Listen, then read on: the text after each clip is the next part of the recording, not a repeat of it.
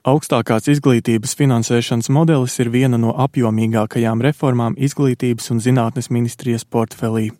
Uz modeli cerīgi raugās gan pati ministrija, gan arī augstākās izglītības nozare kopumā. Galvenais mērķis ir uzlabot augstākās izglītības kvalitāti. Viens no veidiem, kā to panākt, ir ieviest pētniecībā balstītu augstāko izglītību.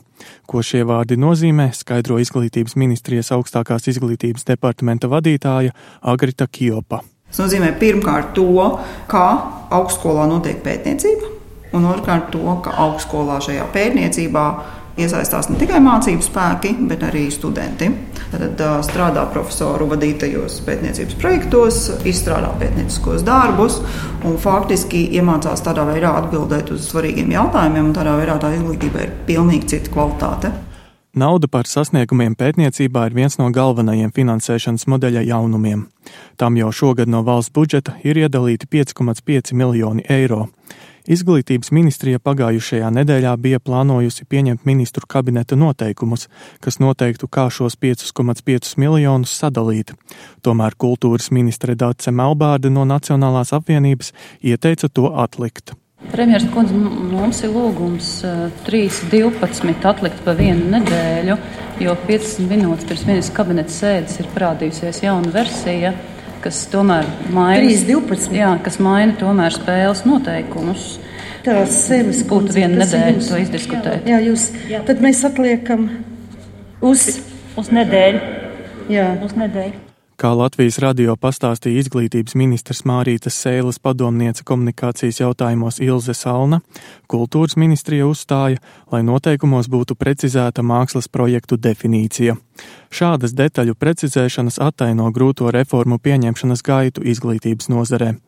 Augstākās izglītības finansēšanas modelis arī iepriekš ir bijis svītros no ministru kabineta sēžu darba protokoliem, jo detaļu saskaņošana ir laikietilpīga. Pirms mākslas projektiem modeļa virzību bremzēja reģiona augstskola vēlme iekļaut modelī kādu veidu, kā reģiona augstskolas varētu iegūt papildus naudu. Uz to visuzstājīgākā bija Ventspils augstskola, kas atbalstu meklēja Zaļo un Zemnieku savienībā. Tagad noteikumos ir paredzēts no valsts budžeta atalgot augstskolu pētniecību sadarbībā ar pašvaldībām un to uzņēmumiem, par ko gandarīti ir Ventspils augstskolas rektore Gita Rēvalde. Kopumā jā, mēs esam ļoti priecīgi par šādu papildus rezultātu, ko augstskolas varētu sasniegt. Tātad, ja augstskola pratus dabūt papildus naudu kaut kur citur, tad valsts to novērtē un arī vēl piešķir papildus. Tāda ir tā ministrijas loģika, un no šī aspekta, protams, ka normāli, ka ņem vērā arī šo pašvaldības iegūto finansējumu, ja augstskola ir pratusi no pašvaldības ar kaut kādiem mehānismiem salīgt kaut kādus papildus darbus, par ko pašvaldība maksā.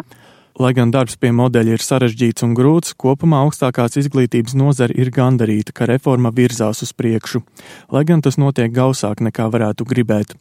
Augstākās izglītības padomas priekšsēdētājs Jānis Vētra skaidro, ka nozarē ir daudz spēlētāju, un katrs vēlas modelī redzēt kaut ko sev tīkamu.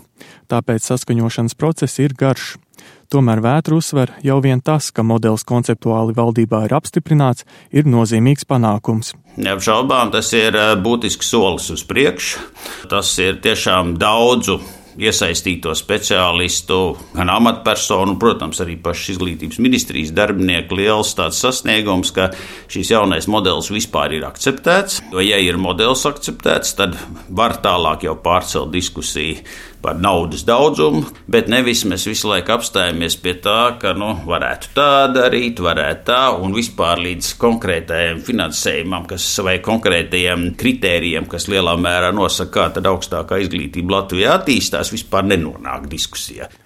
Jaunais modelis sastāv no trīs pīlāriem, sekojot Pasaules bankas ieteikumiem. Sasniegumu aila jaunajā finansēšanas modelī tiek saukta par otro pīlāru, un tas ir vienīgais, kuram valdība jau ir iedalījusi papildus naudu. Pirmais pīlārs, jeb bāzes finansējums, kā arī trešais pīlārs, jeb attīstības finansējums, vēl gaida savu daļu no valdības maka. Kopā Izglītības un zinātnes ministrija papildus jau iedalītajiem 5,5 miljoniem eiro šogad vēlas vēl papildus 6,2 miljonus. Tomēr visvairāk neskaidrību jaunajā augstākās izglītības finansēšanas modelī ir par pirmo pīlāru - bāzes finansējumu, kurš nosacīs budžeta studiju vietu izmaksas. Lai gan studenti, kas iegūst budžeta vietas, studē bez maksas, praktiski tas nenozīmē, ka studijas apmaksā valsts. Augstākā izglītība cieta smagi krīzes laikā, tika nogriezta gandrīz puse naudas budžeta vietām. Ministrija vienas studiju vietas bāzes finansējumu samazināja no 1800 uz 1300 eiro, ar ko ir par maz, lai nosaktu studiju maksu. Paradoxāli, bet budžeta vietu skaits nesamazinājās. Augstskolas taupīja uz kontaktstundu, pētniecības un personāla rēķina. Kā atzīst Latvijas Universitātes zinātņu prorektors un nākamais universitātes rektors Indriķis Mužnieks, trūkstošo naudu par budžeta vietām šobrīd sedz maksājošie studenti. Situācija ir tāda, ka mēs netieši tiešām uzliekam tās iztrūkstošās maksas daļu uz maksas studentiem. Nu, protams, viņi tur var mainīties. Tie, kas ir sekmīgāk, atkal iekļūst budžetā, un tie, kas atkal mazāk sekmīgi, no tā budžeta krīt ārā. Tātad tā nav tāda nolemtība uz visu studiju laiku, bet šobrīd tā iznāk. Un tas ir netaisnīgi. Cilvēks, kas ņem kredītu un maksā par savām mācībām, līdzfinansē sev blakus sēdošo studentu, kas ir iekļuvis budžeta vietā. Bijušais izglītības ministrs Roberts Ķīlis ir pastāvīgi kritizējis esošo budžeta vietu sistēmu jau vairākus gadus. Viņš arī uzskata, ka šobrīd, neprasot no budžeta vietu studentiem nekādu atbildību, valsts rīkojas izšķērdīgi. Nu, jūs izmācīties par budžeta vietu, jūs varat darīt, ko jūs gribat. Tas nozīmē, ka Latvijas nodokļu maksātāji nomaksā kaut kādu cilvēku studijas, gan caur valsti, gan arī caur citiem, kuri ir kreditējušies. Ja? un tad tad jūs varat dot, ko jūs gribat. Ja? Un nekā bez jebkādas atbildības pret, pret Latvijas valsts nodokļu maksātājiem. Nekādas atbildības. Jūs taču varat braukt, nezinu, kur strādāt un tālāk darboties. Ja? Ļoti labi to var atļauties bagātas valsts, es domāju. Nu, rēķināt, ka tāds notiek, bet mēs neesam bagāta valsts. Ķīlis arī kritizē to, ka modelī nav paredzēts speciāli atalgot izcilākos pētniekus. Tomēr kopumā modeli viņš vērtē kā labu. Tas prasīs ārējo novērtējumu un ir daudz vairāk vērsts uz rezultātiem, proti nevis uz uzņemto studentu skaitu, bet gan uz sagatavoto speciālistu skaitu. Tomēr par to galīga vienošanās vēl nav panākta. Turmākajai valsts politikai attiecībā uz budžeta vietu finansēšanu iespējami vairāki varianti, stāstā Grita Kjopa no Izglītības ministrijas. Tā diskusija joprojām ir atvērta un pastāv vairāki ceļi, kādus mēs varam iet. Viens scenārijs ir tomēr pasakīt, ka viena vieta maksā 1800 eiro un saskaitīt, cik studiju vietas mēs varam nofinansēt.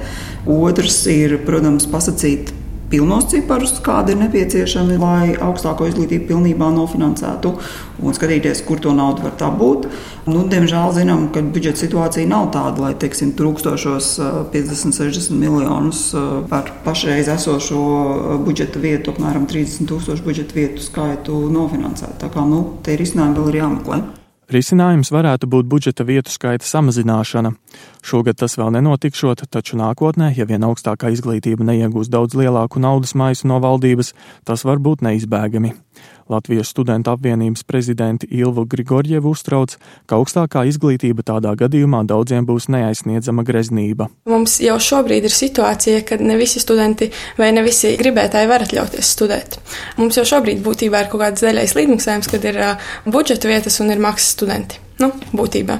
Vai mēs piekrītam, ka ilgtermiņā vajadzētu budžeta vietas samazināt? Nē, mums ir nostāja, ka uh, Latvijā izglītībai būtu jābūt valsts finansētai, bet viņai ir jābūt arī kvalitīvai. Un tas mēs saprotam, ka pirmais ir kvalitāte, otrais ir tas, ka uh, tie studenti, kur šobrīd ir budžeta vietās, nezaudē savas budžeta vietas tikai tāpēc, ka ir mainījušies noteikumi. Ar jauno augstākās izglītības finansēšanas modeli apmierināta ir rektoru padome. Tās priekšsēdētājs Daugopils Universitātes rektors Arvīts Barševskis finansēšanas schēmā saredz jau izglītības ministra Rolanda Broka laikā iecerētās reformas, kuras diemžēl toreiz neizdevās ieviest. Barševskis stāsta, ka augstskolas naudu varētu taupīt arī uz administrācijas izmaksām. Piemēram, Daugopils Universitātes 13 mazie zinātņu institūti nesen ir apvienoti divos.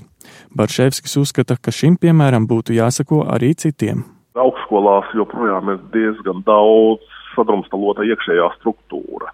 Un e, tā ir runa gan par fakultātēm daudzajām un visu pārējo, Un tāpēc augstskolām es uzskatu, ka daudz vairāk ir jādomā par lūk šādu iekšēju konsolidāciju tādējādi arī mazinošu administratīvo slogu un ietāpot arī līdzekļus finansējumu tīri administratīvajām vajadzībām. Latvija vēsturiski augstāko izglītību finansē ļoti kūtri. Šim mērķim Latvija atvēl vien 0,8% no iekšzemes koprodukta. Lietuva un Igaunija Latvijai ir par pusprocentu priekšā. Latvijas universitātes jaunievēlētais rektors Indriķis Mužnieks gan uz nākotni skatās cerīgi un uzskata, ka ieguldot izglītībā valsts sev palīdzētu. Mēs palīdzam Grieķijai, nu tad uh, mums vispār jāpalīdz arī pašiem sev.